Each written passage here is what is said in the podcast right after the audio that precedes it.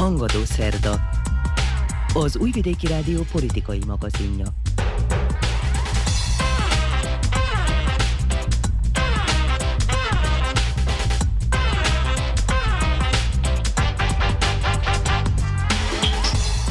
Üdvözlöm hallgatóinkat, a mikrofonnál Muci Szántó Márta. Az Európai Unió szerint a közeljövőben nem valószínű a Belgrád és Pristina közötti párbeszéd folytatása. Ezzel közvetetten elismerte, hogy nem jártak sikerrel a napokban folytatott háttér egyeztetések.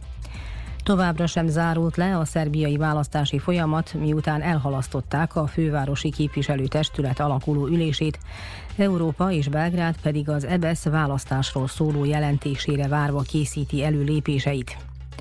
Az iskolák válságkezelési helyzetének javításáért kiegészítették az iskolai erőszakkal, illetve az osztályozással kapcsolatos szabályzatot.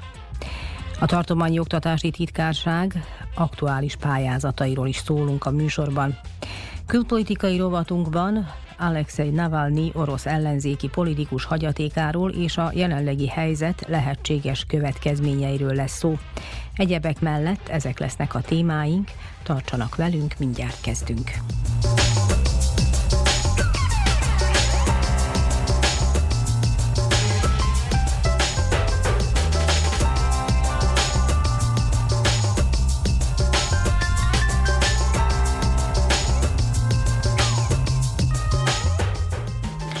Kedves hallgatóink, Dani Zsolt belpolitikai összefoglalóival indítjuk műsorunkat. Szerbia a nyugati nyomásgyakorlás ellenére folytatni kívánja a semlegességi politikáját, és ameddig csak teheti, nem vezet be szankciókat Oroszország ellen, fogalmazott Alexander Vucic államfő az orosz sajtónak nyilatkozva. Vucic Szerbia nemzetközi helyzetéről számos illetékessel egyeztetett a Müncheni Biztonságpolitikai Fórumon. A balkáni, uniós, brit, amerikai és kínai küldöttekkel való kétoldalú tárgyalásokat követően elmondta, hogy Belgrádra nem Koszovó, hanem Moszkva politikája kapcsán gyakoroltak nyomást. A köztársasági elnök az elmúlt héten hivatalában fogadta az EBSZ képviselőit is, akiknek azt üzente, hogy Szerbia készen áll fontolóra venni a szakértőik által javasoltakat. Elemzők meggyőződése szerint a szerbiai hatalom és számos uniós tagállam a következő konkrét lépések előtt kivárja az EBSZ választási megfigyelői missziójának végleges jelentését, hozzátéve, hogy az nem különbözhet nagy mértékben az előzetes, inkább kedvezőtlen megállapításoktól. Közben a szerbiai Európa barát ellenzék választási bizottsági tagjai részletes javaslatot készítettek elő az általuk sürgetett nemzetközi felülvizsgálatra vonatkozóan, amelyben a decemberben minden szinten tartott voksolással kapcsolatos vádak kapcsán nyomoznának. Mint mondták, a csoportot uniós szakértőkből kellene létrehozni, akiknek előzetes tényfeltáró missziót is le kellene folytatniuk. Országunkat az idén ismét hiányos demokráciaként jelölte meg a brit The Economist lap, amely 167 országra terjedő felmérést tett közzé. Szerbia a 64. helyet foglalja el, alap szerint a világ lakosságának mindössze 8%-a él teljesen demokratikus rendszerben. Szerbiában pedig lelassulni látszik a választást követő testületek megalakulási folyamata, Miután az ezzel kapcsolatos procedúrák köztársasági és tartományi szinten sem zárultak le, Belgrádban az alakuló ülés elnapolása mellett döntött az eddigi hatalom. A haladók előzőleg még azt közölték, hogy biztosították a fővárosi többséget, a sikertelenülést követően azt üzenték, hogy még néhány nap haladékot adnak a Mi a Népből című listának, amelyet meghívtak a hatalmi többségbe, hogy átgondolja a javaslatot, de a határidő lejárta után új választásra kerül sor Belgrádban. Abránimir Nestorovics vezette Mi a Népből lista azt közölte, hogy két képviselőjük minden bizonyal átpártolt a hatalomhoz, ezért már ők is az új voksolás forgatókönyvet részesítik előnyben. Az Európa barát ellenzék szerint jogi felelősség felelősségre vonással kellene büntetni az átpártoló politikusokat, mert meglátásuk szerint az csalásnak minősül. A CERTA civil szervezet a minap közzétette a választásról szóló jelentését, amelyben a joguralom kudarcának nevezte a folyamatot, majd kedvezőnek mondták, hogy az uniós parlament nem engedte lezárni a témát.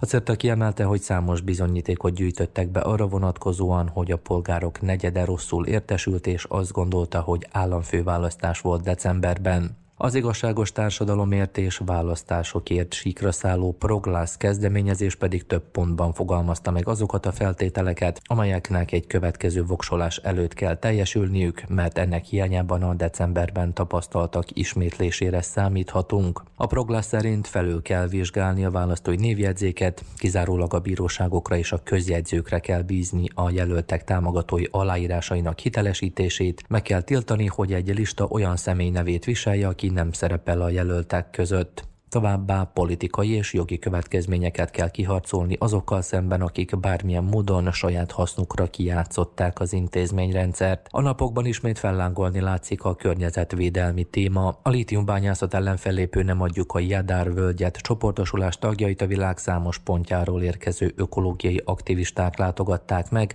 akik Loznica környékén a Rio Tinto cég tervezett bányái körül tartottak felvonulást. A napi politikai történések jelentős mértékben a háttérbe szorították az államiság napjának megünneplését Szerbiában. A hatalom képviselői az első szerb felkelés, illetve a néhány évtizedre rá elfogadott első alkotmány évfordulóján számos állami kitüntetést adtak át, és azt üzenték, hogy továbbra is megvédik a lassan két évszázada lefektetett szabadságideálokat. A hatalmi pártokon kívül több ellenzéki tömörülés is programot szervezett. Alexander Vucic elnök az államiság napi rendezvénysorozat keretében Budapestben megtartott Nisi hadászati bemutatón 300 millió eurós védelmi beruházást jelentett be, amelyből a hazai fegyveripar felszerelését vásárolják meg. Az államiság napja alkalmából első ízben mutatták be az Oroszországból vásárolt drónvédelmi elektromágneses rendszert. Az államfő szerint az ilyen eszközök lehetetlenné teszik, hogy bármely ország az 1999-ben tapasztalt módon támadja meg Szerbiát. Az orosz hadibeszerzésről hírt adott a nyugati sajtó is, a lépést pedig minden bizonyal figyelemmel kísérték Belgrád nyugati partnerei is.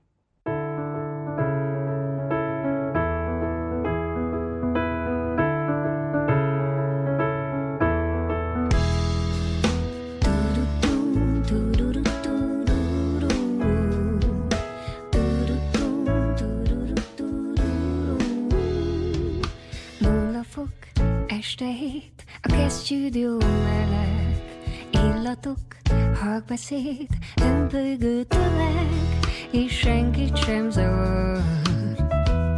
Ha forrad borba hópelyet kavar, engem nem zavar, de nem zavar. Lampion, sült húsok, könyvek, ékszerek, polcokon képes lapok, írok egyet neked, mondd mi azzal a baj. Az ember télen is csak csókolózni akar, nincs azzal semmi baj. Hullik, ahol csókolózni volna jó.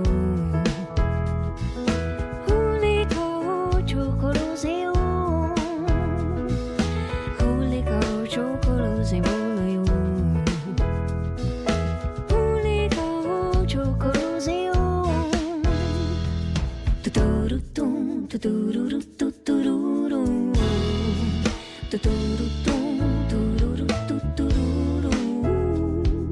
Hegyre mászni, korcsolyázni, csapot törni volna jó. Ablakot lehelni, ment a teát, szűcsölni volna jó. Fiúk elővisítozva menekülni, fagyott ágat törni, robogós friss hóba lépni, a téli napban nézni, hullik, ahol csókolózni volna jó.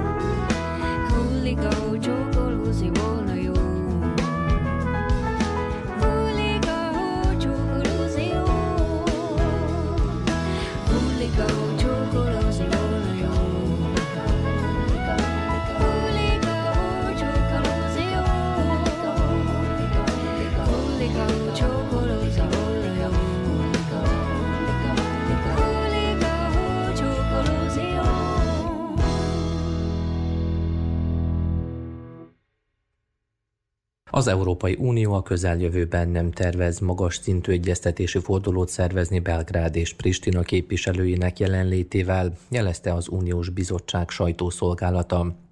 A közlemény szerint a korábbi tervekkel összhangban folytatódik a viszonyrendezési folyamatot elősegítő háttérmunka. Brüsszel ezzel gyakorlatilag elismerte, hogy áttörés, azaz siker nélkül zárult a Miroslav Lajcsák uniós külön megbízott és Josep Borrell külügyi főképviselő erőfeszítése, hiszen a témáról a Müncheni Biztonságpolitikai Fórum keretében tárgyaltak az érintett felekkel.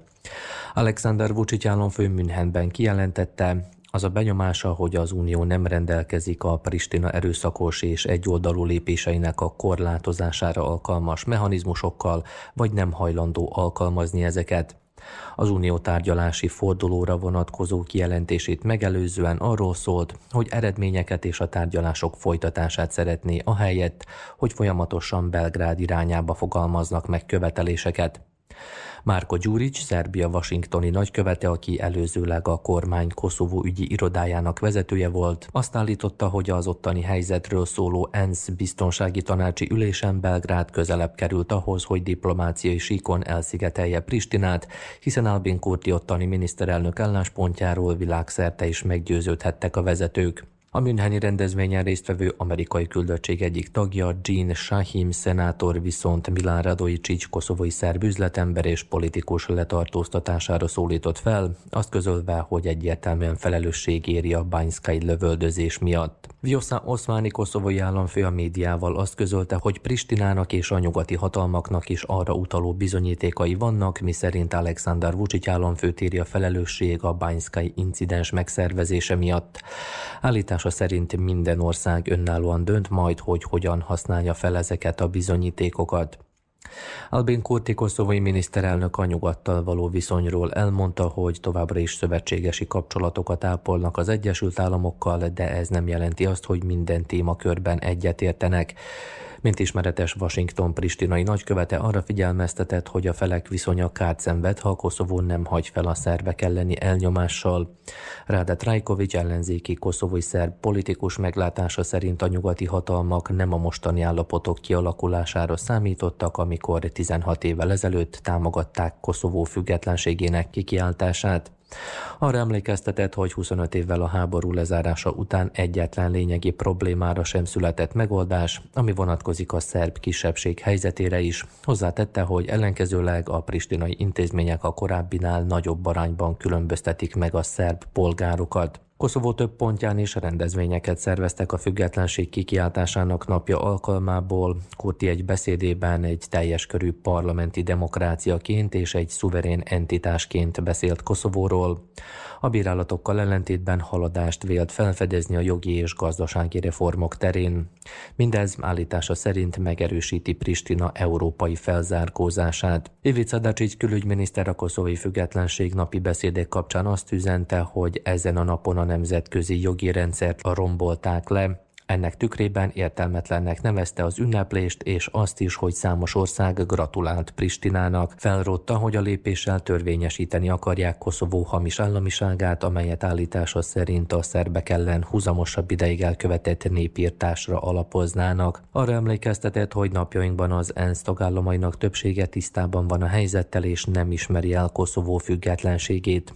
Dacsitya minap Belgrádban fogadta Babics Jánost, az Európa Tanács szerbiai irodájának új vezetőjét, akivel számos témát tekintett át, majd azt üzente, hogy Szerbia ellenzi Koszovó felvételét az emberi jogi szervezetbe. A koszovói belpolitikát viszont a napokban a döntésképtelenség jellemzi, azon kívül, hogy a szerb képviselők távol maradása miatt a pristinai törvényhozás nem vitatta meg az alkotmánymódosítási javaslatokat, több nemzetközi szerződés becikkelyezéséről is képtelen volt dönteni. Az ottani szerbek legnagyobb politikai érdekképviselete a szerb lista pedig Michael Davenporttal az EBS ottani küldöttségének vezetőjével tárgyalt. Rámutattak, hogy a szerb közösség tagjait egyre gyakrabban éri hátrányos megkülönböztetés, miközben biztonsági helyzetük is folyamatosan romlik. Arra kérték a nemzetközi közösséget, hogy emeljenek szót Pristina lépései ellen. A nyugati sajtó a pristinai függetlenség napi ünnepek alatti napokban kiemelten foglalkozott Koszovó közelmúltjával, illetve gazdasági szempontból párhuzamot vontak Ukrajna jövőbeli kihívásaival. A brüsszeli sajtó részletes elemzése szerint világos minta figyelhető meg az Egyesült Államok válság sújtotta régiókhoz való viszonyulásához, hiszen számos helyen, ahol Washington fegyverrel avatkozott be egy fél javára, rövid idő alatt a korábban katonai vagy kormányzati szolgálatot betöltő és az adott országnak segítő amerikai befektetők jelennek meg. Ez Koszova esetében sem volt másként.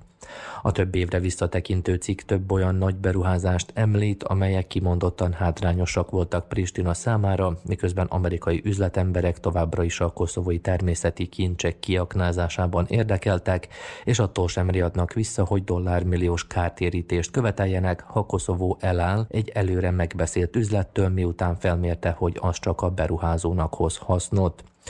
Korrupciós ügyekben koszovói politikusok is érintettek voltak, közülük néhányat el is ítéltek.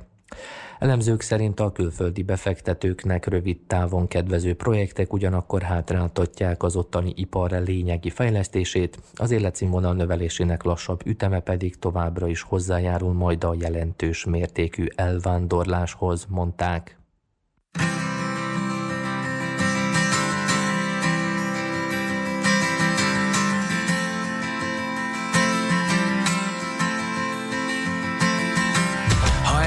Látod, hogy az ajtón jönnek be? Fogod a fejed, most melyiket enged be? Azt, aki játszik a varázsigést Vagy azt a szemtelenül magas vitézt. Nem látod a fák alatt Csücsül a lakatos Aki bújt, aki nem menekül Összehívja a vitézt, a játszót És a maradék égbe kiáltott És kérdeznék Hol voltál mostanáig? Táncottól majd az egész vidék virágzik.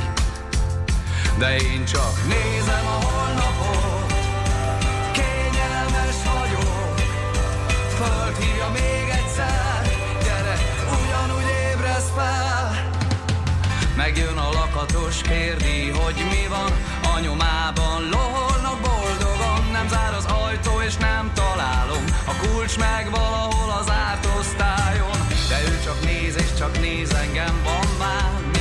Minek ide zár, kulcsom sincs most már az ajtó nyitva állna. Az egész lakás most menne válva És kérdeznék, hol voltál mostanáig?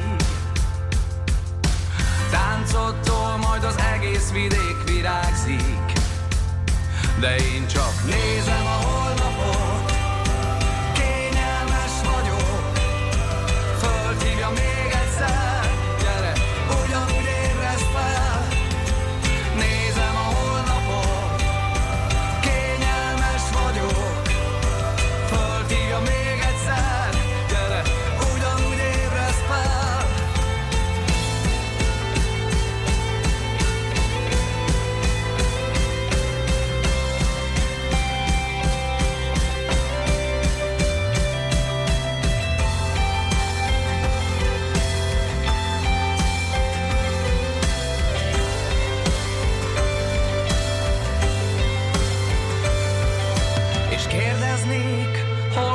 voltál mostanáig?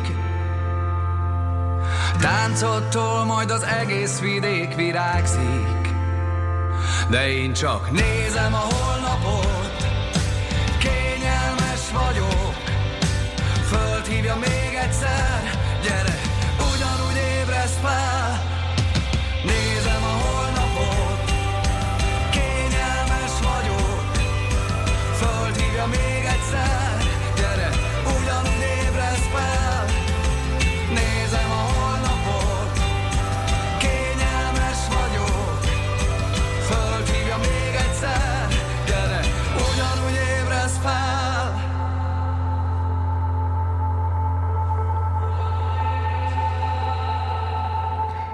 Az iskolák válságkezelési helyzetének javításáért kiegészítették az iskolai erőszakkal, illetve az osztályozással kapcsolatos szabályzatot. Komáromi Dórát hallják. Az iskolák nem csak az ott dolgozókat, de a szülőket és más szervezeteket, például a rendőrséget és a szociális központot is korábban bevonják majd abban az esetben, ha a szükségét érzik. Sziveri Béla, a Temerini Kókai Imre általános iskola igazgatója elmondta, hogy a pedagógusok eddig is igyekeztek mindent megtenni a gyerekek biztonsága és oktatása érdekében. Vannak itt eh, régi, meg vannak mondjam azt, hogy új dolgok is, tehát nagyjából én így, ahogy értelmeztem, 80%-at már a meglévő szabályzat, ugye az osztályozási szabályzatról beszélni, tehát az már szerintem benne volt az előzőben is. Vannak változások, konkrétan ami a szülők elégedetlenségét illeti, amikor ugye arról beszélünk, hogy amennyiben az adott tanár megírat egy ellenőrzést vagy egy dolgozatot, és akkor több mint a fele negatív osztályzatot kap. Ez bent volt már az előbbi szabályzatban is akkor azt meg kell ismételni. Tehát én itt ezekben a részben nem látok semmi újat.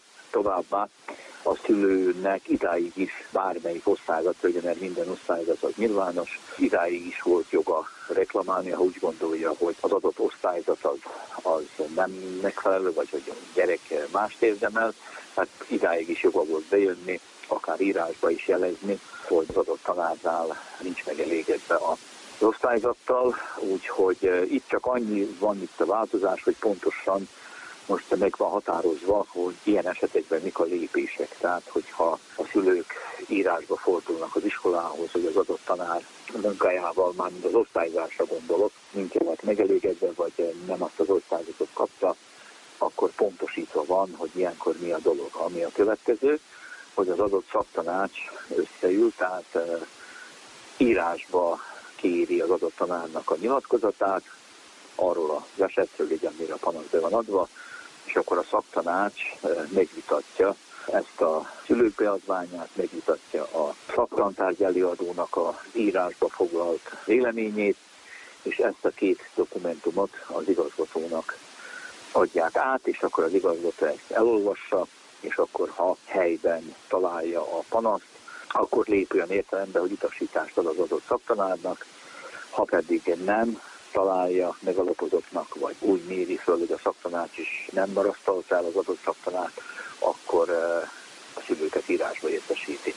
Amennyiben a, tehát igazat ad, akkor itt lehet fordulni Délvácskai az előjárósághoz, az iskolai igazgatósághoz, hogy esetleg valami segítséget, ugye, hogy a módszerrel, vagy a mindazt hogy miről van szó. Nálunk ezt a tanárok már eleve alkalmazzák, tehát nem fordul elő olyan dolog, hogy most több mint fele dolgozatra egyes, mert eleve nem írja be a tanár, tehát ilyen eset, hogy most matematikából, vagy magyar nyelv, vagy lényegtelen, hogy milyen írásbeli ellenőrző, vagy akár dolgozatból több, mint fele, tehát ez ilyen előse fordul, hogy most akkor beírom, és akkor 26 gyerekből 15 egyes kapott, és akkor megy a hajó tovább, tehát ez, ez idáig se így működött, tehát akkor újból gyakorolják, újból átnézik, és akkor megírják azt az adott tananyagból a ellenőrzőt. Ami újdonság van az, hogy idáig két dolgozat volt hetente előre látva, most megemelték háromra. Tehát három dolgozat, ami 15 percig tovább tart, de amit előre így kell szólni, tervezni, ez is működik nálunk, mert a szaktantárgy előadók mindig megcsinálják itt szeptember folyamán a fél évi beosztást, amit kötelesek vagyunk kifüggeszteni egy olyan helyen, ahol a csűr bejön, azt meg, megnézheti, tehát ez is működik nálunk, tehát ez mindig kint van, számtalanszor volt kint nálunk a ilyen rendes ellenőrzésbe. A tanügyi, tanügyi felügyelő is azt a részét is rendbe találtatik, minden évben két-háromszor kijön, és ugye millió dolog mellett ezt is nézi, hogy hogy az írásbeli dolgozatoknak a terve, meg az elmű terve, ami 15 percig tovább tart. Most a szabályzatban benne van az, hogy ami 15 perctől kevesebb, azt nem kell előre beszólni, tehát nem kell, az lehet szinte minden órán, hogy földrajzakos bemegyek, és akkor egy, úgy szoktuk mondani, villámellenőrzőt íratunk három kérdésből, amit a gyerek megír 8 perc alatt, tehát ezeket a, ezeket a ellenőrzőket nem kell előre beszólni, tervezni. Ebben a szabályozásban azért valamilyen szinten kitérnek az iskolai erőszakra is. Mm, hogyan érinti ez az osztályozás ezt a témakört? Ami az iskolai erőszakot illeti, tehát az osztályozás meg az iskolai erőszak olyan értelemben az is pontosítva van, tehát hogy milyen szankciók vannak, akik szigorítva vannak, főleg a szülők felé, tehát azok a gyerekek, akik problémásak, akik az iskolában nem úgy viselkednek, ahogy azt a viseltetési kódex előírja, tehát itt szólni kell rögtön a szociális központnak, a rendőrségnek, tehát ez itt szigorítva van, és tehát amennyiben nem működik együtt, a szülő nem kezeli a dolgot, akkor bevonni a rendőrséget, a szociális központot, hogy ami az osztályzást illeti, az pedig úgy lett módosítva, tehát a magaviseleti osztályzatra gondolok, itt konkrétan, hogy második ugyanúgy elsőbe leíró osztályzat van, mert idáig 6-tól 8-ig megy bele az átlagba, de most levitték egész második osztálytól a magaviseletre meghatározott jegy, belemegy az átlagba. Tehát nem 6-7-8, hanem már másodiktól ugyanúgy az első leíró osztályzatot kapnak, úgyhogy másodiktól fél évkor év végén eh, magaviseleti jegyet kapnak, és akkor az belemegy az átlagba. Azzal, hogy az osztályfőnök ugye mindig kíséri, hogyha vannak megjegyzések az elektronikus naplóba, hogy akkor időbe tudja kezelni. Tehát ezek olyan dolgok, amik már eleve működtek, tehát logikus, hogyha valaki a héten valami hülyeséget csinált, akkor azt kezeljük, tehát nem úgy van, hogy összevárunk három hónapot, és akkor mindenki a babérjain, tehát napi szinten vannak ezek a dolgok kezelve, hogy amennyiben sor kerül ilyen incidensre vagy valami, úgyhogy nem látok itt ebben nem tudom milyen korszakalkotó dolgot, tehát ezt minden lelkismeretes tanár csinálja, tehát lereagálja, tehát nem fog elmenni egy tanár se a incidens mellett, hogyha a gyerekek valamit csinálnak, tehát ez működik. Én gondolom, hogy az iskolák többségébe beleírtam mi iskolákat is. Milyen esetek azok, amiket nem lehet például iskolán belül megoldani, és amikor már külső segítség kell? Volt erre esetleg példa? Ilyen példa, hála Istennek nem volt még. Ilyen. Volt még, de nem, ez nem, hogy mondjam, nem viselkedési szabály. Voltak mondjuk olyan gyerekek, akik nem jöttek egy hétig, két hétig iskolába, és akkor szóltunk a szülőnek, a szülő nem reagált rá, és akkor a külső segítséget, tehát akkor a szociális központhoz fordultunk, hogy az adott szülő annak ellenére, hogy hivatalos írást küldtünk ki, tehát hivatalos, majd úgy mondom, behívó, hogy ilyen szó, küldtünk ki, és nem jött el az adott időpontba, akkor a szociális központot értesítettük, és akkor ők beszélgetésre hívják, kimennek, ez már akkor az ő munkáiknak a része, hogy először is kimennek a családot, megnézik, hogy milyen körülmények vannak, miért nem működik együtt a szülő.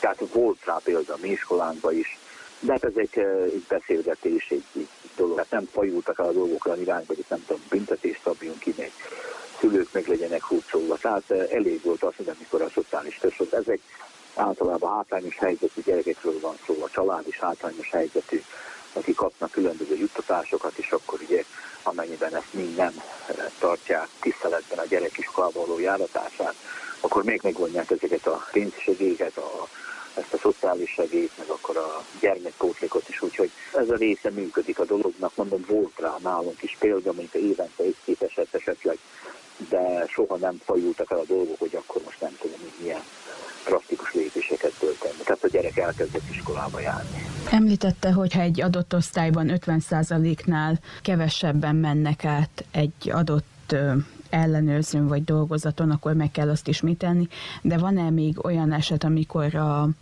szülők jelenthetik a tanárokat, vagy van-e erre még valami, ami ilyen kitétel lett most? Hát most konkrétan, tehát idáig is, tehát bármilyen probléma volt a szülőnek az adott tanára, tehát idáig is jelenthette. Tehát először is ugye, hogyha van gond az adott tanárral, a, a viselkedésével, a módszerivel, az osztályzásával, tehát ez idáig is a szülő bejött, annyi, hogy előbb a, ha tanítani, ha alsósról van szó, általában a felső osztályban, tehát van fogadóra. Tehát az első lépés nem úgy néz ki, hogy nem vagyok megelégedve a tanítóbácsol, és akkor egy nagy feljelentést írok, meg egy aláírás gyűjtött, tehát a módszer a következő, tehát van minden tanár köteles kijelölni hetente egy fogadórát.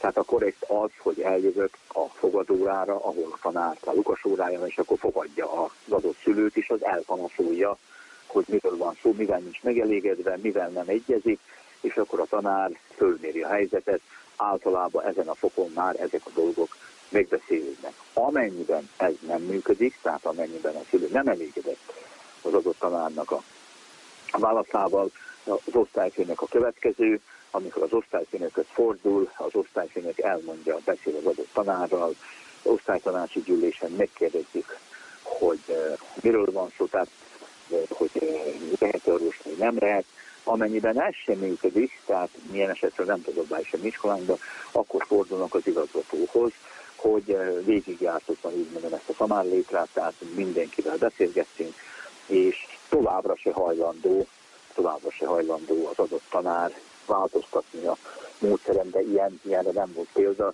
Ilyet mindig meg tudtuk oldani beszélgetéssel. Na most, hogy, hogy most ez, ebbe az új szabályzatba, hogy most ezt a lehetőséget, hogy ezt a, a ranglétrát, hogy végig járják. Az, hogy most én úgy gondolom, hogy ez meg ez meg ez nem jó, és akkor írok egy följelentést, hát nem tudom, hogy ez mennyire, mennyire okos ötlet, mennyire jó ötlet, tehát az már akkor a legfelső fok, hogy rögtön így kezdem, hogy összeüljünk, és akkor írunk egy jelentést a tanár ellen, amit persze megint a szaktanács, hogy elbíráljon. Tehát ez egy procedúra, akkor a szaktantárgy előadó, akkor a azt, amit az előbb elmondtam, akkor is igazgató véleményez, úgyhogy ez van pontosítva. Slavica Gyukics Dejanovics, oktatási miniszter kijelentette, hogy nem csak a diákokat és a szülőket érinti majd a szabályozás. O svim segmentima zakona smo detaljno razgovarali. A lényeg az, hogy a diák, a gyerek a legtöbbet kapja az iskolában, hogy megfelelően foglalkozzanak vele, és megkapja a szükséges visszajelzéseket a tanárok és a szülők részéről is. Van olyan eset, amikor a tanár nem megfelelően dolgozik a gyerekekkel. Ezekben az esetekben innentől a szülőknek lehetősége lesz jelenteni az iskolának, ahol kötelesek lesznek kivizsgálni az ügyet, és megfelelően eljárni, akár továbbképzésre küldeni a tanárt, vagy más eljárást véghez vinni. Ez nem büntetés a tanárok számára, mindannyiunk érdeke, hogy megfelelő körülményeket teremtsünk az iskolákban a diákok számára mondta a miniszter. Az elkövetkező napokban a válságkezelési intézkedésekről is tartanak majd megbeszéléseket, hogy kidolgozzák a megfelelő eljárásokat a különböző esetekre.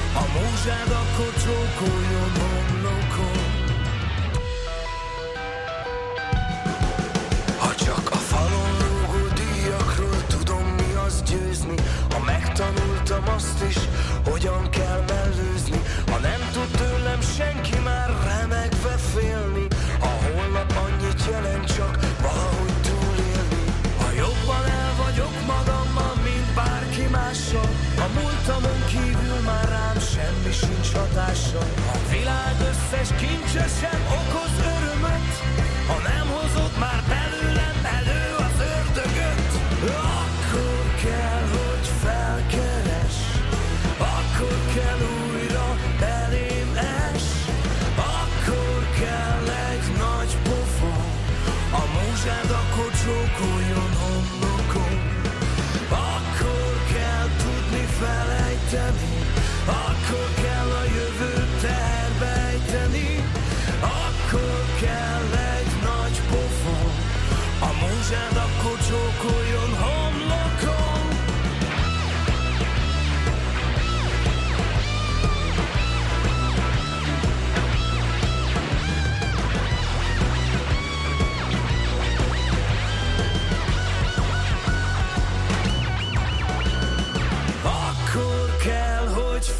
keres, akkor kell újra belém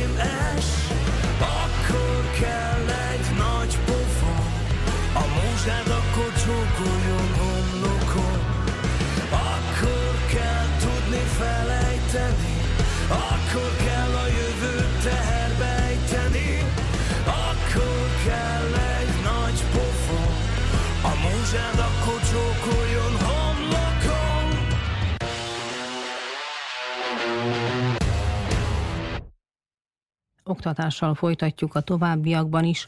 A Kulai Petőfi Brigád általános iskolában járt Szakállas Zsolt tartományi oktatási titkár, aki megtekintette az eddigi beruházások eredményeit, elmondta, hogy az eszközök odaítélésekor igyekeznek minél több iskolát támogatni, ugyanakkor fontosnak tartják a kontinuitást is.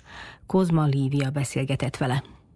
Szakálla Zsoltot, tartományi oktatási titkát kérdezem, a titkárságnak jelen pillanatban milyen pályázatai vannak kiírva, kik pályázhatnak, és milyen beadási határidőt szabtak meg. A tartományi oktatási jogalkotási közigazgatási és nemzeti kisebbségi nemzeti közösségi titkárság január végén meghirdette az összes pályá, úgymond már hagyományos pályázatát. Itt az elején rögtön valójában két részre osztanám a, pályázatainkat. Az első az, amely az oktatási témakörben került kiírásra, a másik pedig a nemzeti kisebbségek jogainak érvényesítésére építésére vonatkozik. Fontos elmondani, hogy az eszközök évről évre csak növekedtek valamelyes, csökkenésről nem beszélhetünk, így ezért fontosnak tartom, hogy megvan egyfajta kontinuitás évről évre, ami úgymond a civil szervezeteknek is, akik nálunk pályáznak, de úgy szintén az iskoláknak is egy stabilitást ad, úgymond is tudnak tervezni. A legnagyobb horderejű pályázatunk ebben az évben is az iskolák felújítására vonatkozik.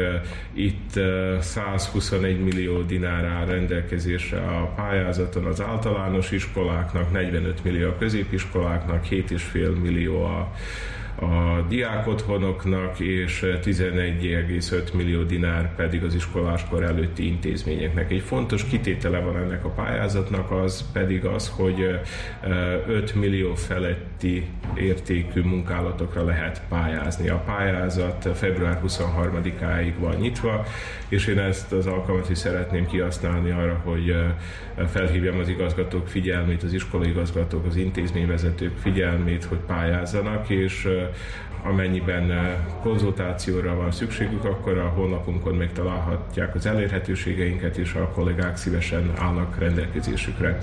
Ugyanúgy az iskolai témakörbe tartoznak azok a pályázatok is, amelyek programok és projektek megvalósítására vonatkoznak az iskolákban.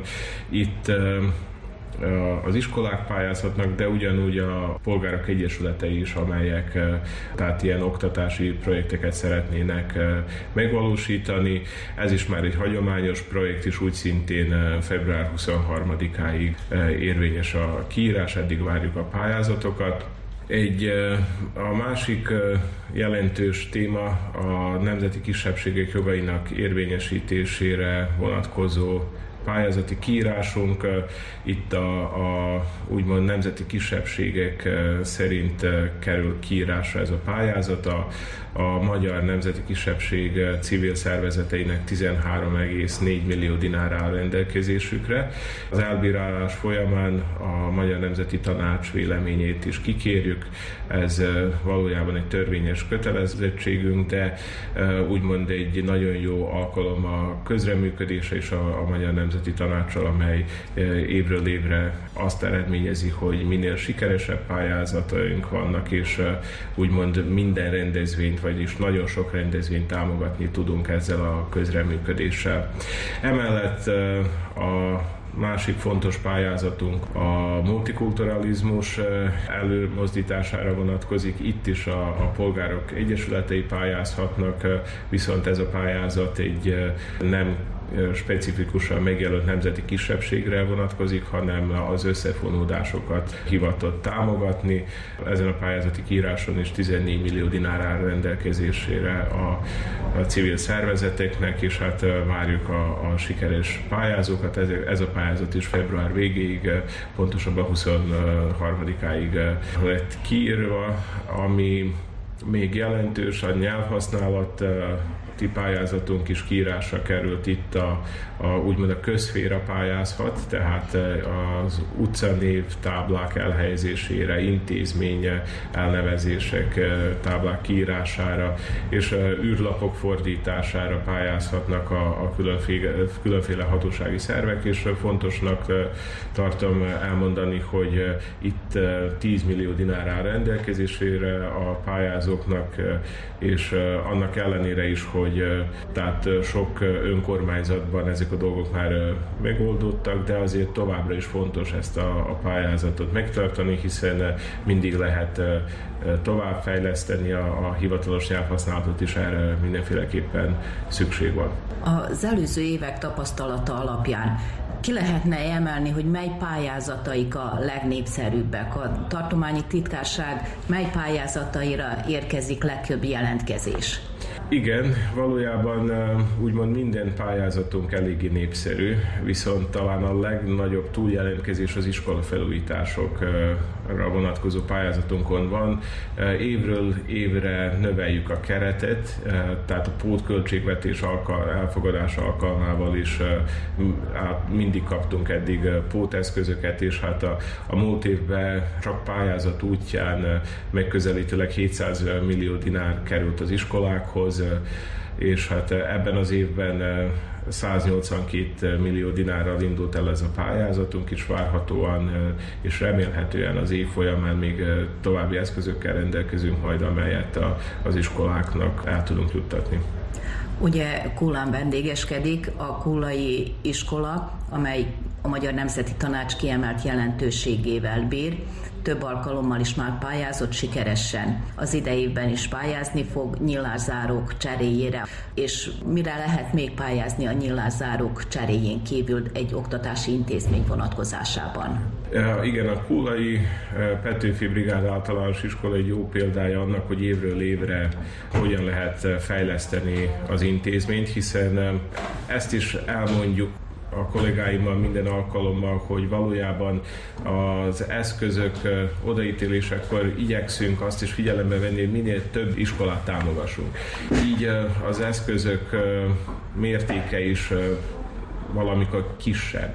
Így fontos a kontinuitása. Ez Kólán nagyon jól látszik, hogy évről évre az iskolát támogatni tudtuk, nyilászárók cseréje alkalmával is már, de úgy szintén a, a tetőszerkezet felújításánál is, és hát eh, általában kiemelünk egy témakört, amelyet fontosnak tartunk, mondjuk rá a vizes gócok felújítását, de nem egy kizáró kritérium, mivel a, ugyanúgy a fűtésrendszerek korszerűsítése is nagyon fontos, akkor az energiahatékonyság is, tehát eh, úgymond minden intézmény valójában specifikus gondokkal küzd, és mi próbálunk minden igénynek eleget tenni lehetőségeinkhez mérten. Tudjuk, hogy az előző évek tapasztalata alapján a kullak községi civil szervezetek vagy pedig egyesületek sikeresen pályáztak a tartománynál a hasonlóan kiírt pályázatokra. Jellemző ez egész vajdaság területére, hogy mindenhonnan jelentkeznek a civil szervezetek, vagy pedig azért buzdítani kell a, az intézményvezetőket, igazgatókat, művelődés szervezőket, hogy igenis vegyenek részt a pályázatra, mert ez egy nagyon hasznos eszközforrás és nélkülözhetetlen a mai világban. Idővel kialakult egy ilyen rendszer, amelyet a Magyar Nemzeti Tanácssal is karöltve működtetni tudunk, úgymond a, eljuttatni az információt az emberekhez, hogy léteznek ezek a pályázatok, és az az első dolog. Tehát ezek a mi pályázataink, amelyek a tartományban vannak az oktatási titkárságon is, vagy a művelődési titkárságon is jelentősek, azért, mert egy úgymond egy stabilitást adnak a, a a művelődési központjainknak, civil szervezeteinknek, hagyományozó szervezeteinknek, mivel évről évre kiírásra kerülnek, és ezeket az eszközöket meg tudják pályázni, és azt kell mondanom, hogy meg is pályázzák. Tehát meg lehet a pár évvel ezelőtt, tíz évvel ezelőtt nem volt annyira köztudatban elterjedve, hogy melyik pályázatok léteznek, de viszont mivel ezek most már hagyományos pályázatok, azért az intézményvezetők, vagyis a, a, az egyesületvezetők is erről már többnyire tájékoztatva lettek és tudják. A, ezeken az eszközökön kívül Magyarországról is pályáznak különféle eszközökre általában a, az egyesületeink, viszont a, mégis ez egy úgymond az egy többlet, egy olyan a dolog, amely nagyon jó, viszont fontos, hogy legyen egy ilyen stabil alap, amit az itthoni eszközökből is meg tudunk oldani.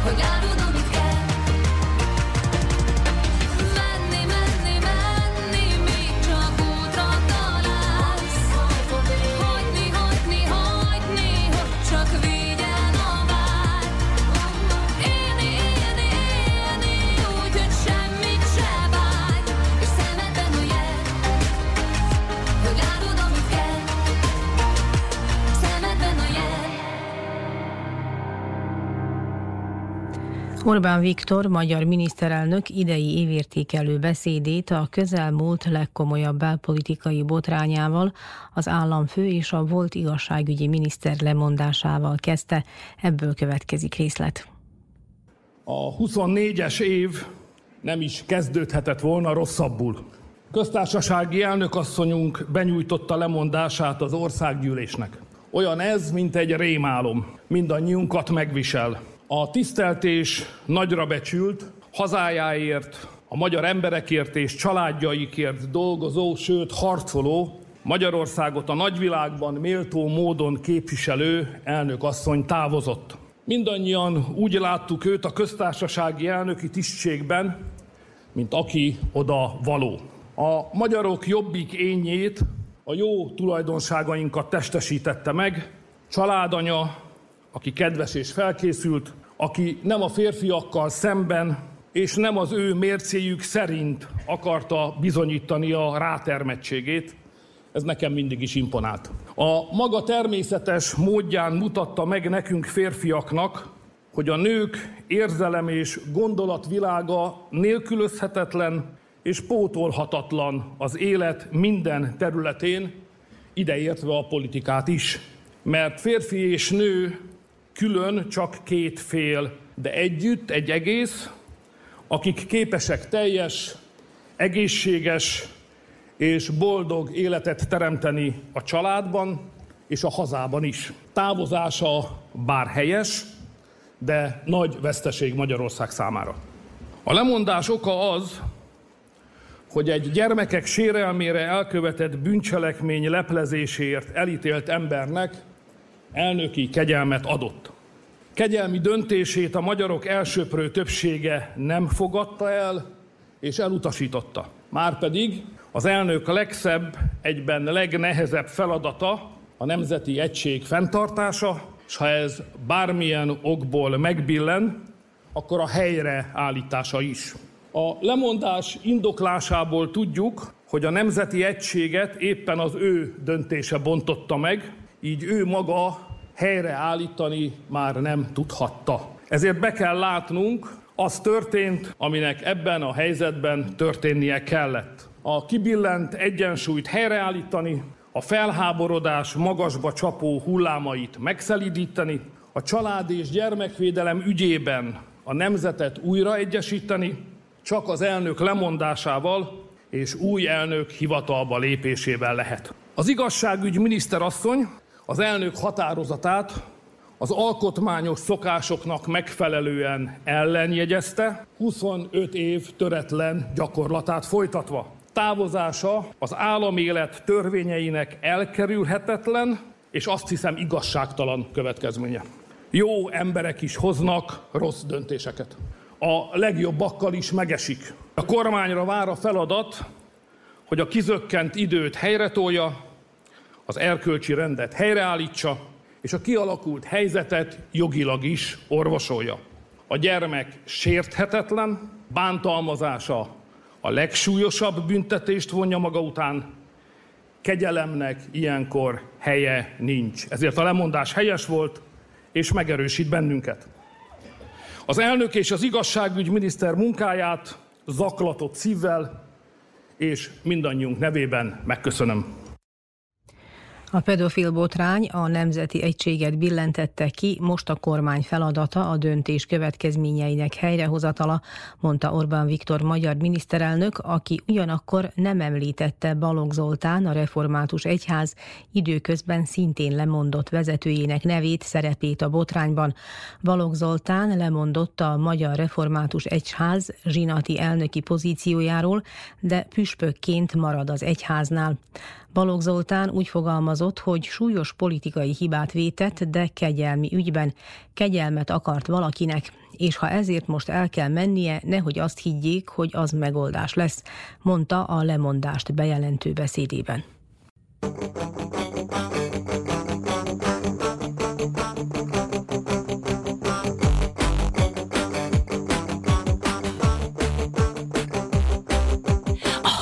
a nevem, és minden, ami velem jár. Tökéletes a puszik, a nyuszik, hogy feladtak egy rucit rám.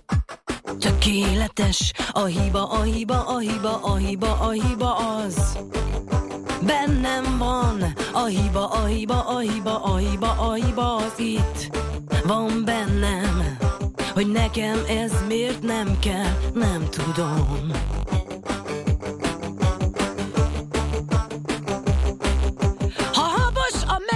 Na nincs olyan, ki bele se nyal. Tökéletes! A papák, a mamák Hogy mindenki megdumált, jaj! Tökéletes! A hiba, a hiba, a hiba,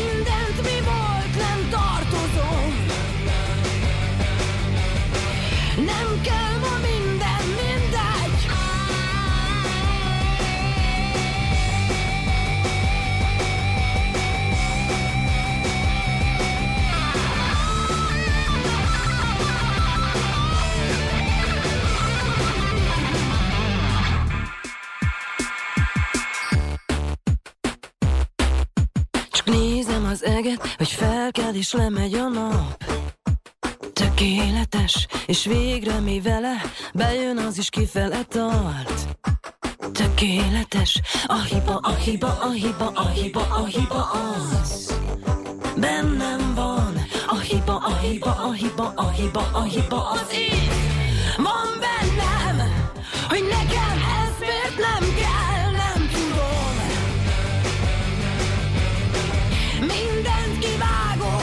ablakon. Nem kell a lelkembe fordalom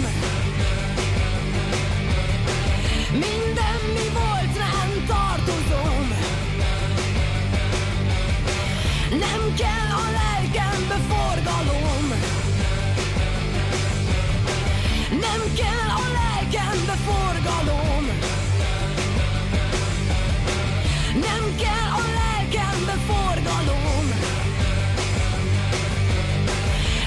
Kell a lelkembe forgalom Nem kell a lelkembe forgalom Kedves hallgatóink, Önök az Újvidéki Rádió Hangadó Szerda című műsorát hallgatják. Én Muci Szántó Márta vagyok.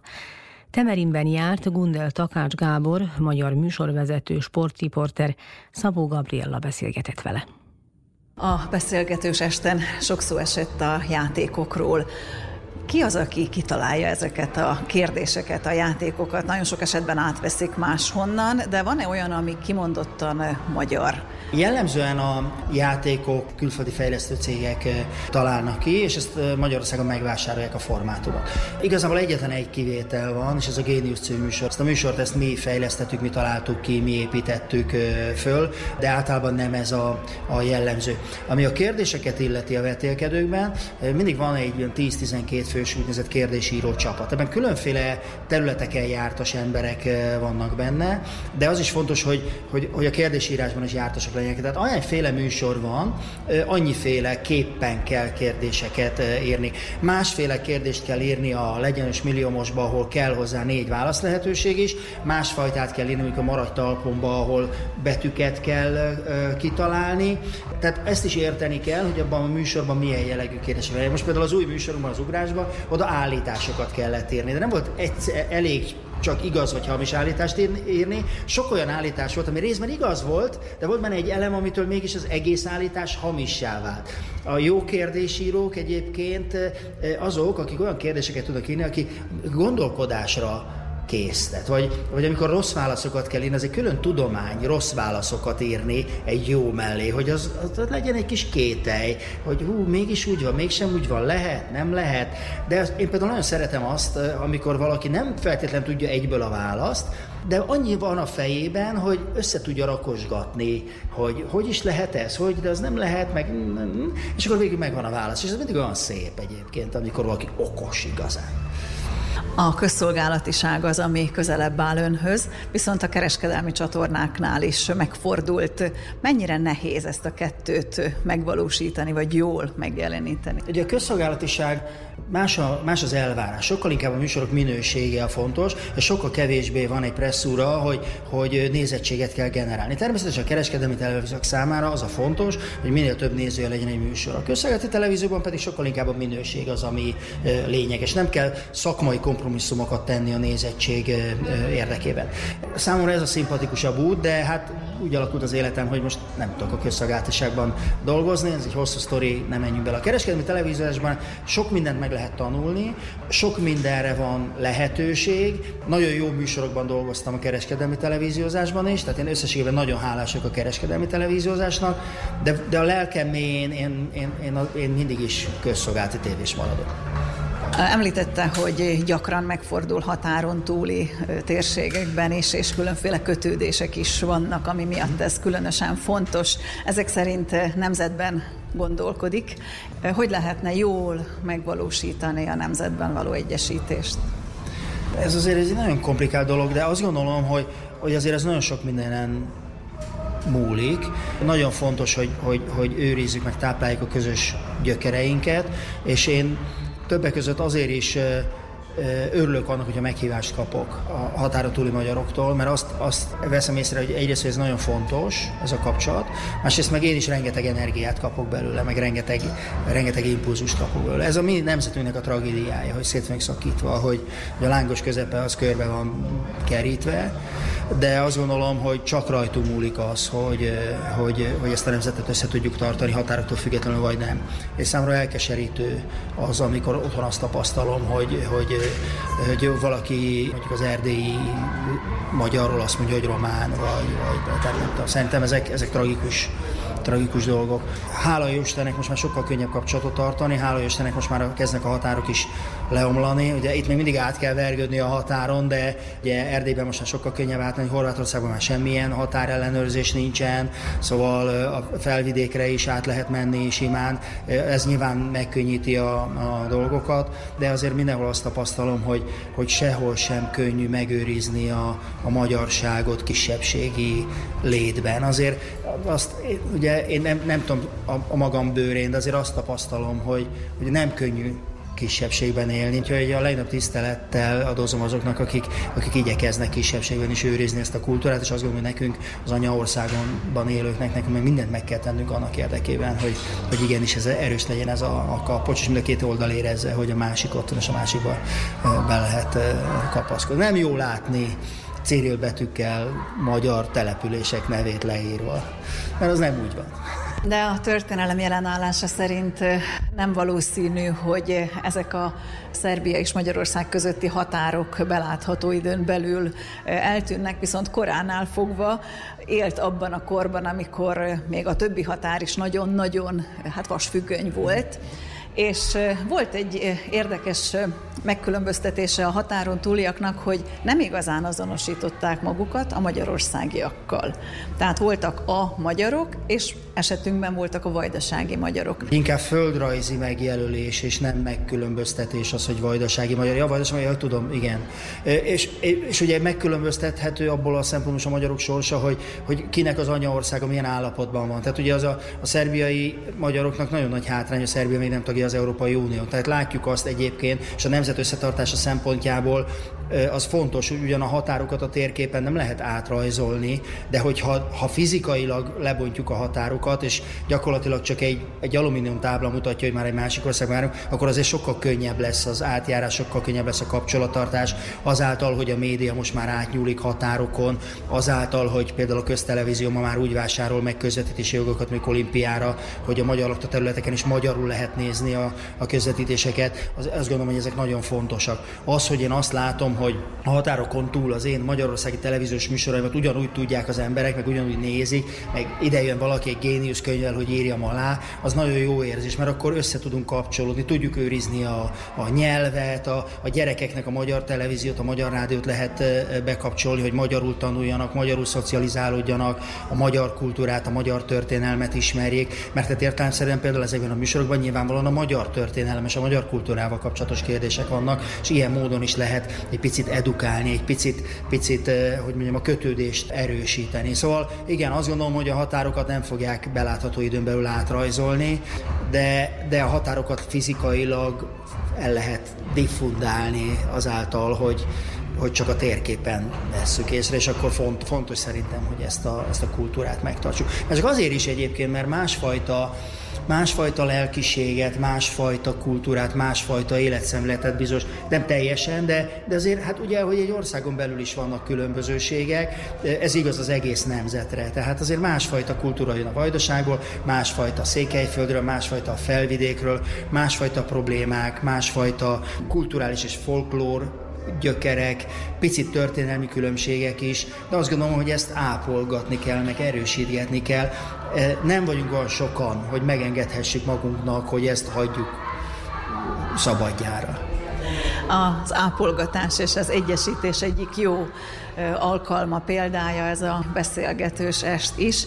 A szervező Gyuri Katila elmondása szerint ez egy Facebookos közösségi oldalon történő megkeresés után jött létre.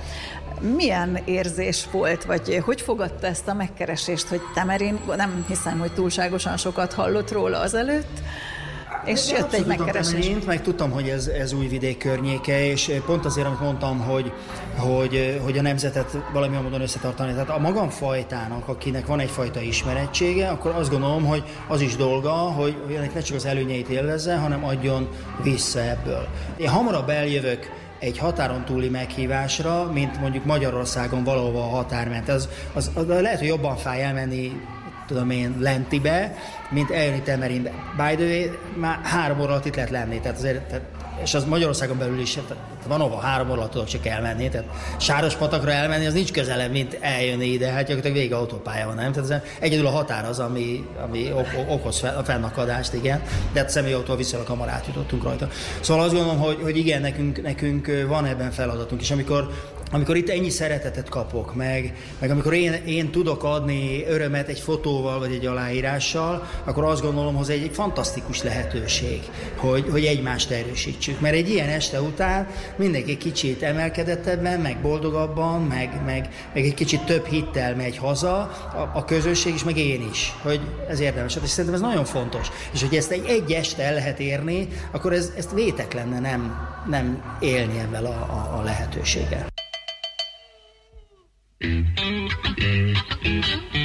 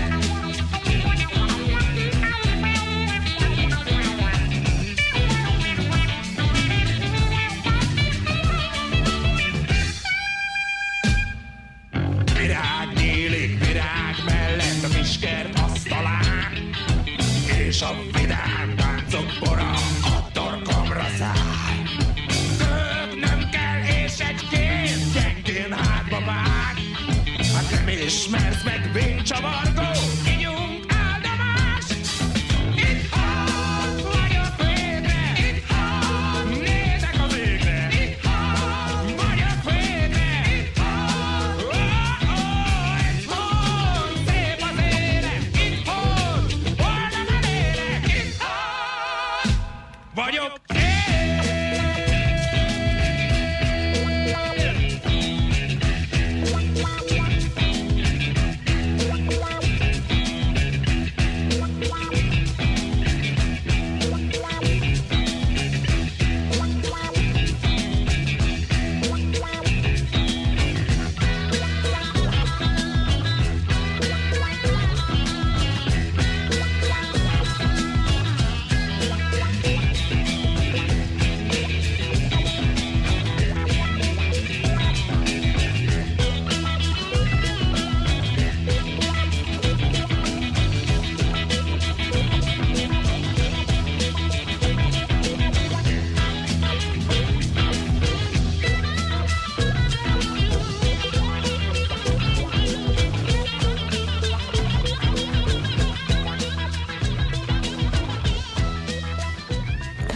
Kedves hallgatóink, külpolitikai rovatunk következik.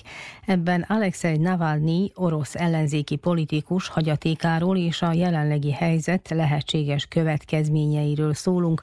Márton Attila újságírót Dani Zsolt kérdezte.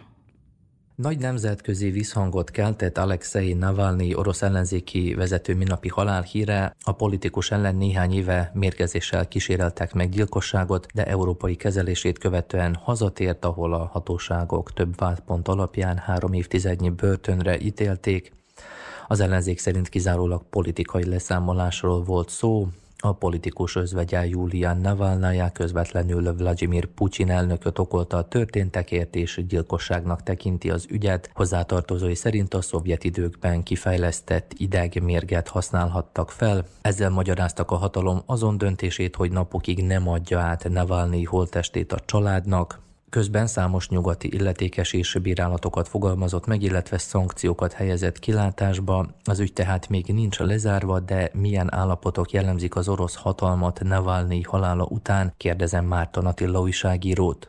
A londoni Guardian szerint Putyin hatalma teljesnek tűnik Oroszországban, és a jövő hónapi választások után még egy hat éves elnöki mandátum vár rá, ami azt jelenthetné, hogy a mandátum vagy a karrier szempontjából Stalinon is túltesz, lévén, hogy Putyin jelenleg 24 éve van hatalmon, Stalin pedig 29 éven át volt hatalmon.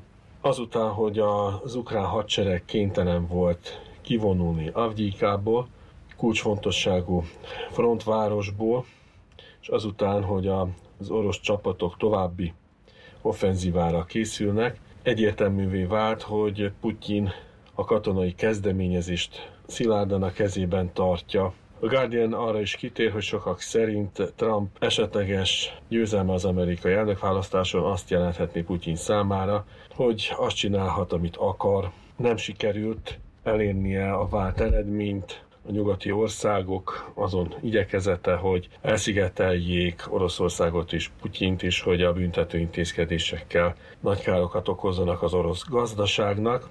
Putyin új szövetségesekre tett szert, mint például az Egyesült Arab Emírségek és Szaudarábia, teszi hozzá a londoni lap, amely idézi eh, Boris Bondarevet, egykori orosz diplomatát, aki az Ukrajna elleni orosz agresszió kezdetén elmenekült Oroszországból.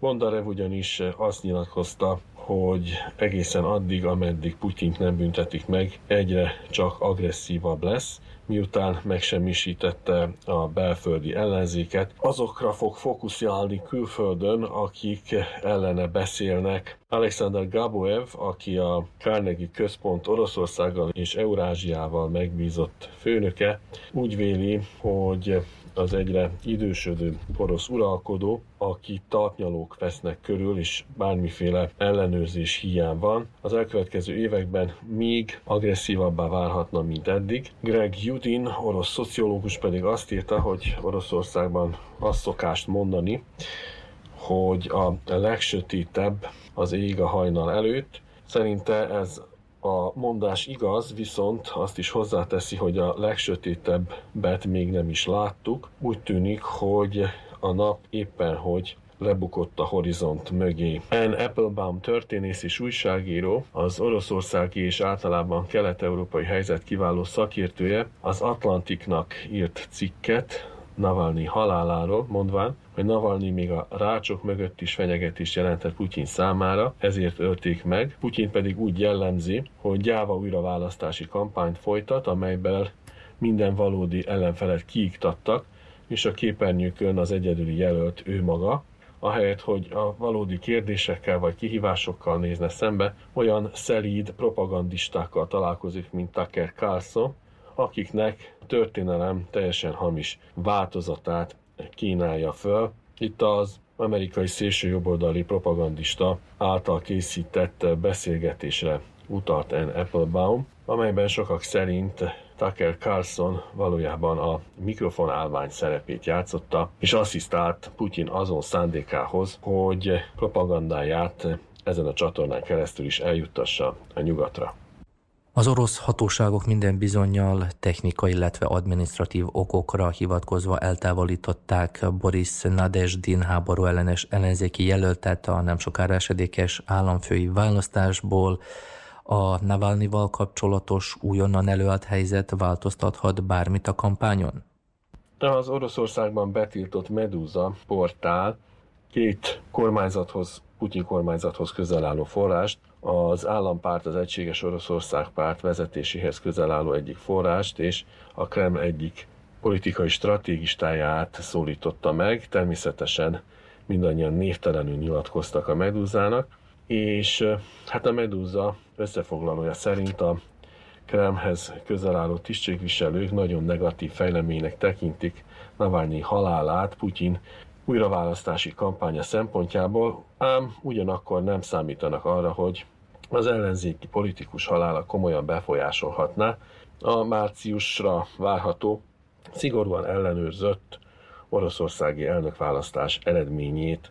Arra a kérdésre, hogy Navalnyi halálát kommentálják, a fent említett források közül kettő cinikusan úgy válaszolt, hogy Navalnyi tudta, mibe keveredett, amikor 2021-ben visszatért Oroszországba, hozzátéve, hogy megbüntették azért, mert az ország ellen dolgozott. Mindkét forrás szerint Navalnyit nem szándékosan ölték meg, hanem a rossz börtönkörülményeknek tulajdonították halálát, hozzátéve, hogy más nem is lehetett várni, mindenki tudta, hogy ez előbb-utóbb biztosan megtörténik.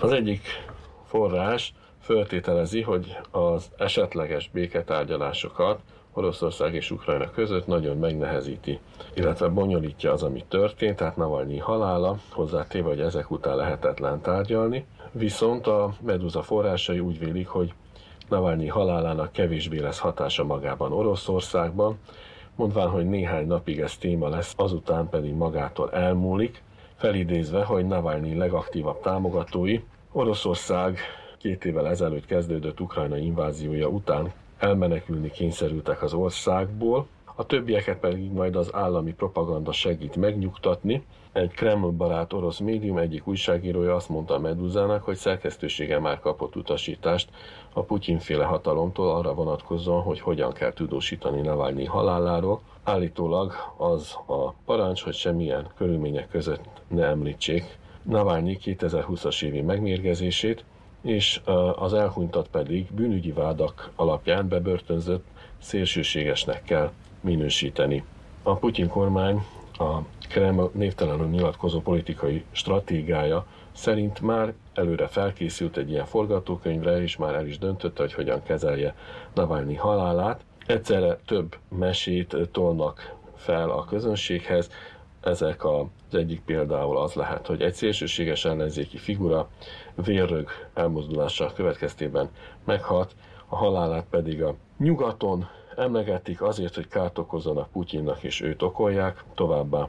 Navalnyi halála nem előnyös Oroszországnak, hanem a nyugatnak hoz hasznot, valójában a nyugat kiiktatta a saját ügynökét, hogy áldozatként tüntesse fel, Továbbá az orosz biztonsági erők és a híják úgy döntöttek, hogy leszámolnak Navalnyival, hogy ne legyenek tárgyalások Ukrajnával. Tehát ezek csak példák a előre elkészült orosz propaganda gépezetből. A Medúza forrásai ugyanakkor kitartanak amellett, hogy nem számítanak semmiféle nagyobb tömegtüntetésekre, vagy más súlyos következményekre a Kremlre nézve. Ugyanakkor az egyik forrás úgy fogalmazott, hogy idézem, jövőnk egy bizonyos ága, amelyet egyesek reméltek, mások pedig féltek tőle, örökre eltűnt. A Medusa szerint a Putyin kormányzathoz közel álló névtelen forrás a demokratikus átalakulás lehetőségére utalt, mondván, hogy az már nem létezik, és soha többé nem is fog. Ami a tüntetéseket illeti, szintén a Medusa forrásai szerint, és ezt a 444.hu átvette ezt a hírt, miszerint 36 oroszországi városban mintegy 400 ember tartóztattak le, a Navalnyira emlékező megmozdulásokon Oroszországban. A független orosz OVD Info csoport amely elsősorban emberi jogi és média ügyekkel foglalkozik, úgy tudja, hogy csak Szentpéterváron több mint 200 embert vettek őrizetbe, közülük 38-an az éjszakát is a rendőrségen töltötték, továbbá 42 embert le is tartóztattak a tüntetésen való részvétel miatt, akik 1-6 napig terjedő elzárást kaptak, büntetésként további 9 személyt pedig pénzügyi bírság megfizetésére köteleztek, Moszkvában pedig még február 16-án, tehát a halál bejelentésének a napján 15 napos börtönbüntetésre ítéltek, tüntetésen való részvétel miatt három szemét, rendőrökkel szembeni engedetlenség vágyával. Egyébként Navalnyi haláláról az orosz közmédia egy órán keresztül hallgatott, utó pedig igyekezett jelentékteleníteni a hírt. Emlékszel még a régi házra, hol együtt voltunk kócos gyermekünk. Te elloptál egy egész üveg lekvárt, s így titokban együtt ettem meg veled.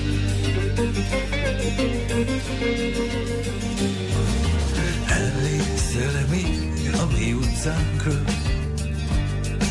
a sarkon volt egy kopott kis mozi, ha egyszer megnéztünk egy szerelmes filmet, és megpróbáltuk eljátszani, hogy háború van, és kigyulladt a házunk, és én a tűzön át cipellek el, te megesküdtél a lépcsőházban állva, hogy hozzám mindig hűséges leszel. Hová tűntek ma azok az évek? Hová lettek a szép ígéretek?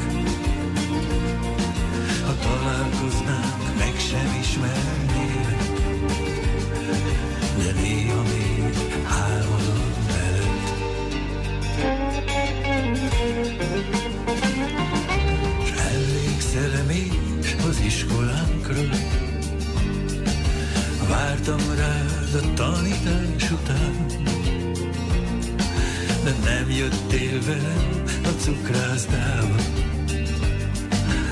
Azt gondoltam, másra vársz talán. És emlékszel, mikor a világgá mentünk, mert otthon túl nagy volt a fegyelem. Késő éjjel vittek vissza minket,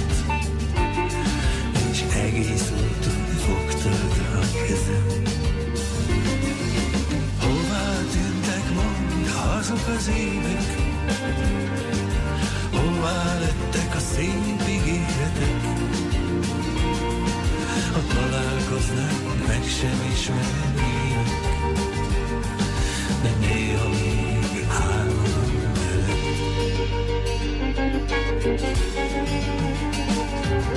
És emlékszel még a régi nyárra voltunk lent a tóparton És találtunk egy gyűrűt is a vízben. Hogy mikor veszett el, már nem tudom. És este tüzet raktunk kint a kertben. Te hozzám bújtál, sáteleltelek És azt ígérted meg a csillagfényben Hogy enyém leszel majd egyszer, egyszer, ha majd leszek. Hová tűntek ma azok az évek? Hová lettek a szép ígéretek? Ha találkoznánk, meg sem ismernének,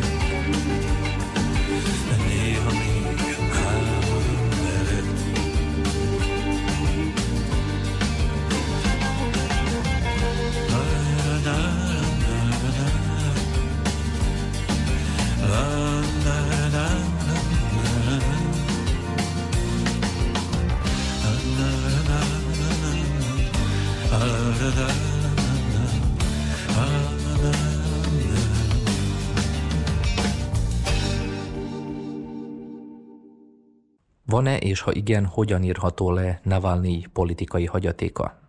A politikus szerint Navalnyi oroszországi vonzereje az elmúlt évek során nagyrészt abban rejlett, hogy képes volt átütni azt a mítosz várat, amelyet Putyin köré épített a propaganda, miszerint ő is a társai puristák, tehát puritánok ide, és idealisták, akik egy erős nemzet felépítése iránt elkötelezettek.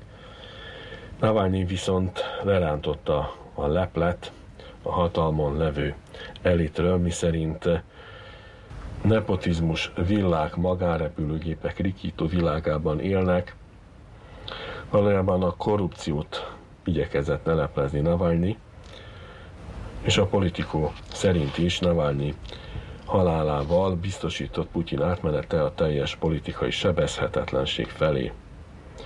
A Euronews Jade McGlint, a londoni King's College orosz szakértőjét idézi, aki Navalnyiról azt mondja, hogy sokféle identitás hozható vele kapcsolatban, az, hogy melyik ezek közül a legfontosabb, attól függ, hogy kit kérdezünk.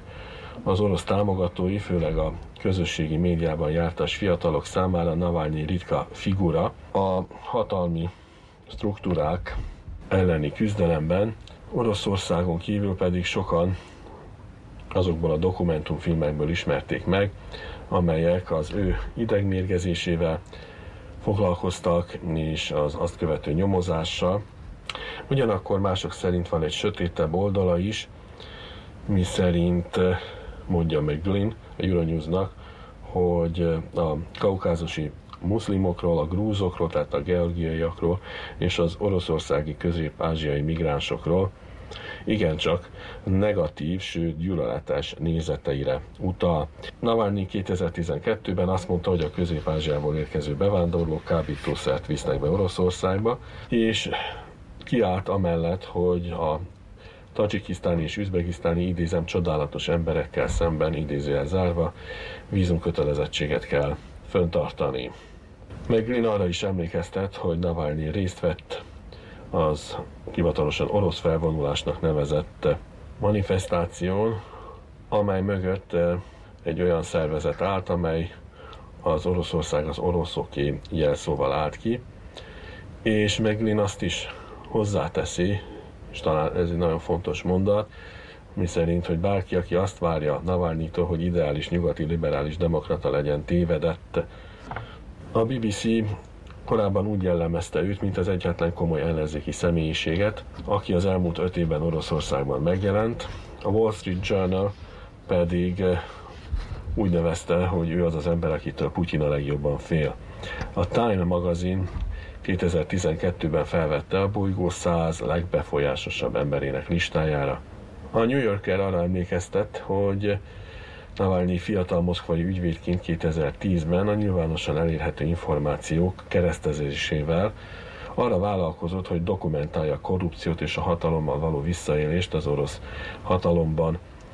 A blogot arra használta, hogy felfedje az állami szerződések felfújt árait, valamint a korrupciót, felfedezte azokat a kormánytisztviselőket, akik ingatlanokat, autókat regisztráltak rokonaik nevére, dokumentumfilm sorozatot adott ki Dmitri Medvegyevről, akit és ezt zárójelben jegyezni meg, sokáig a jó rendőrnek tartották a nyugaton, olyan értelemben, hogy hát inkább demokratikus, mint Putyin majd, akiről a az ukrán elleni második orosz invázió kezdete után bebizonyosodott, hogy talán a legextrémebb orosz véleményeknek ad hangot, nem mondanám azt, hogy megfogalmaz, hanem inkább ő az, aki kimondja őket a világnak.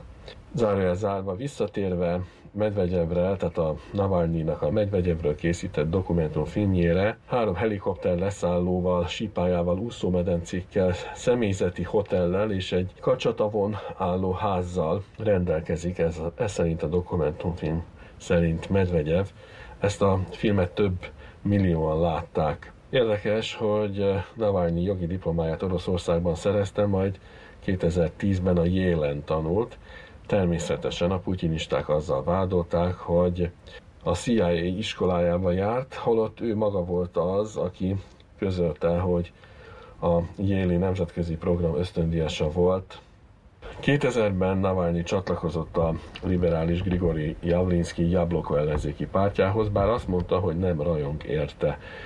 Abban a pártban 2007-ig fontos pozíciókat töltött be, de konfliktusai a párton belül 2006-ban elkezdődtek, amikor is a már általam említett orosz menetelés szervezői között volt, lévén, hogy azon a menetelésen nacionalista, sőt új náci szervezetek is részt vettek, bár azt is hozzá kell tenni, hogy Navalnyi hangsúlyozta, hogy a Jabloko elítél minden új náci fasiszta és idegen gyűlölő megnyilvánulást. A Jablokóból 2007-ben zárták ki véglegesen, amikor az elnök, tehát Javlinski lemondását kérte.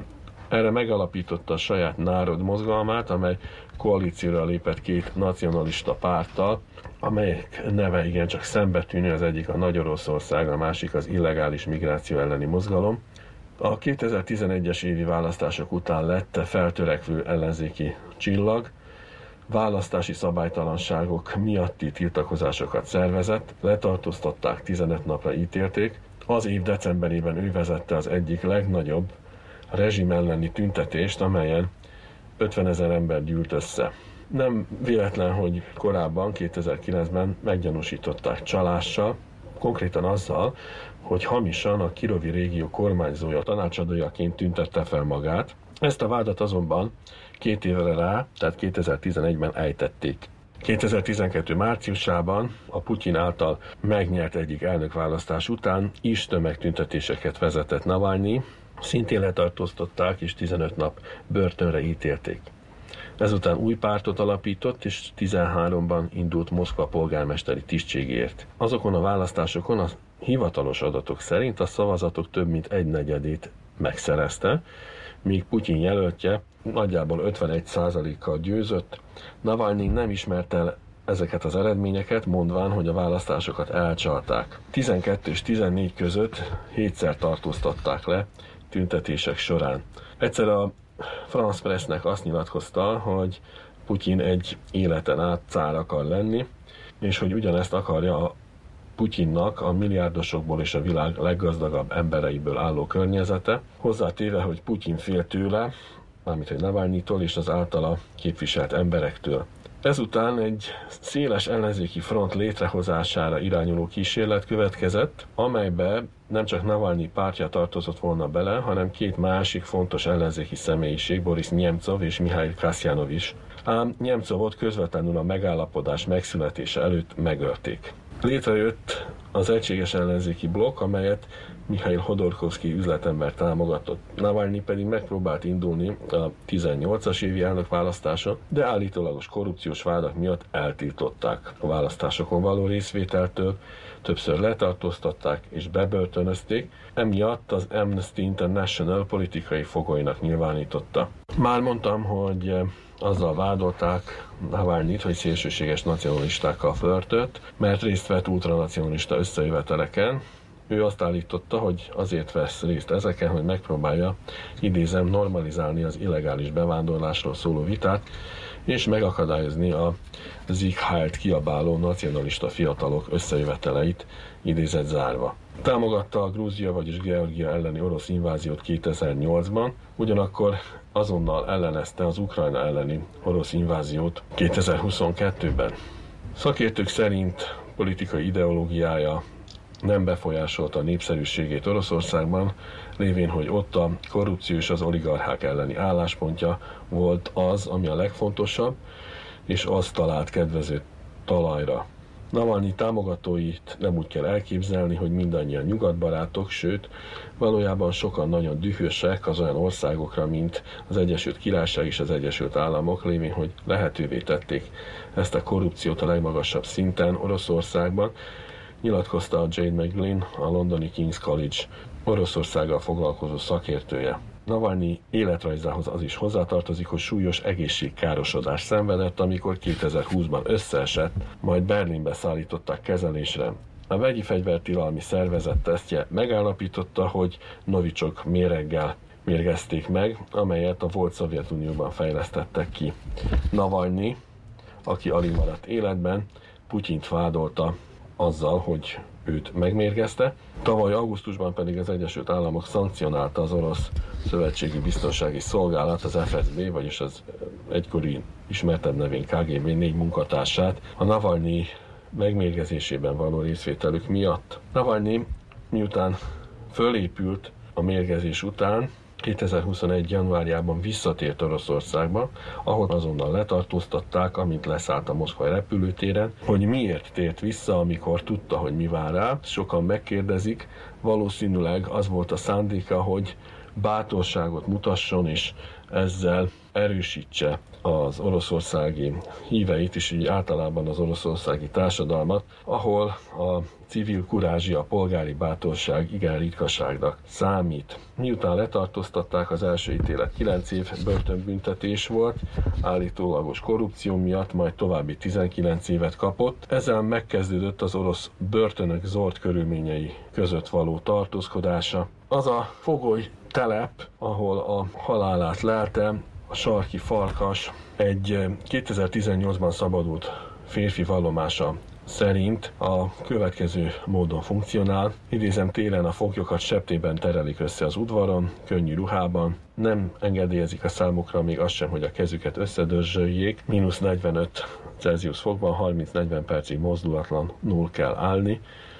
Ha egyetlen ember megmozdul, akkor az egész csoportot leöntik vízzel. Tavasszal az újabb kínzás következik, szúnyogok és legyek csípik a foglyokat, de ha megmozdítják a kezüket, akkor ismét lelocsolják őket. Navalnyinak még ebben a legszigorúbb börtönben való tartózkodása előtt egészségügyi problémái voltak a börtöni körülmények miatt. Rendszeresen magánzárkába zárták, így decemberben, tavaly decemberben az élelem megvonása, a szellőzés hiánya és a minimális mozgási idő miatt meg is betegedett. Navalnyinak felesége volt, van egy lányuk, egy fiúk, és Navalnyinak még él az édesanyja is.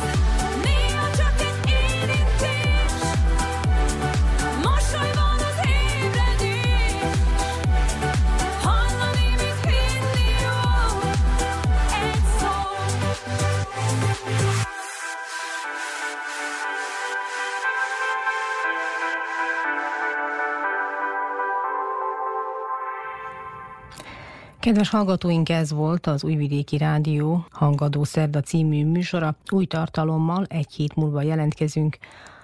A zenei munkatárs, Szikora Csaba, a műszaki munkatárs neve Natyuk volt, Dani Zsolt és Muci Szántó Márta köszöni megtisztelő figyelmüket.